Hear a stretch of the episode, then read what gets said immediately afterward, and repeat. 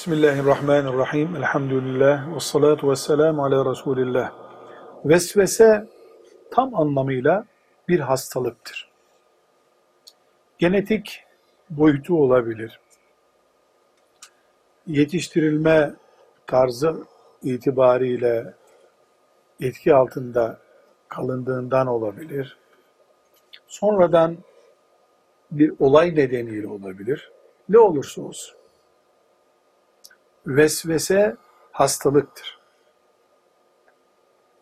Bütün hastalıklar gibi mağlup olup teslim olmamız caiz değildir.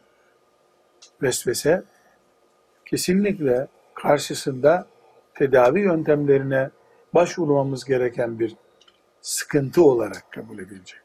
Evvela vesvese vesveseli bir Müslüman muhakkak tıbbi çareye başvuracak. Gidecek 3, 5, 10 seans ne kadarsa doktorun tamam sana yapacağımız bir şey yok. Başka bir yere gitmene de gerek yok. Dediği ana kadar tedavisi devam edecek. Genelde bu hastalığa yakalanan kardeşlerimiz bir iki seans gidip düzelmedi, fayda etmiyor diye gitmiyorlar. Doğru değil.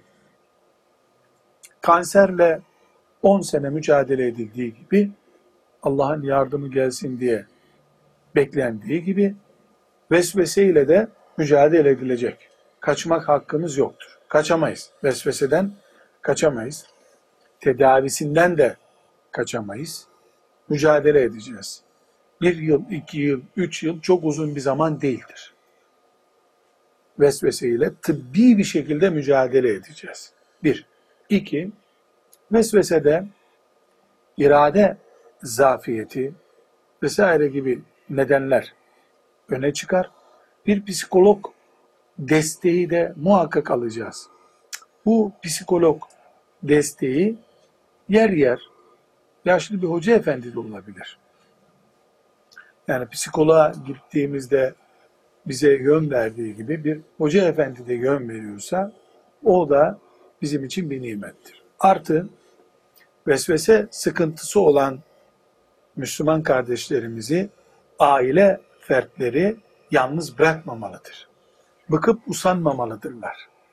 Onu ayıplayarak, kınayarak, her yerde onu tenkit ederek veya gündem yaparak o hastalıkta derinleşme nedeni olmamalıdırlar. Mesela su açısından, tuvalet ihtiyacı açısından vesvesesi olan bir kardeşimiz abdese girdiğinde eh iki saat sonra çıkarsın herhalde deyip istihza etmemelidirler.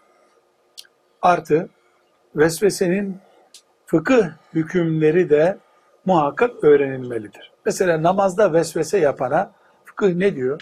Sen vesvese üç mü dört mü diye şaşırdın sen dörtte selam ver diyor.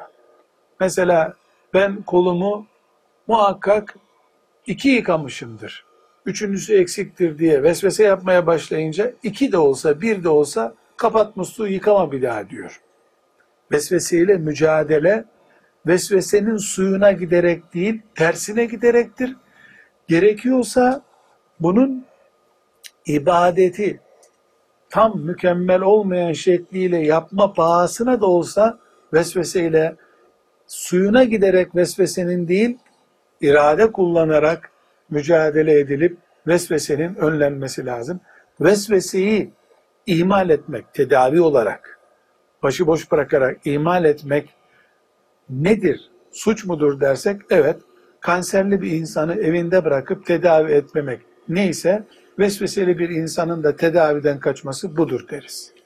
Ve sallallahu aleyhi ve sellem ala seyyidina Muhammed ve ala alihi ve sahbihi ecma'in velhamdülillahi rabbil alemin.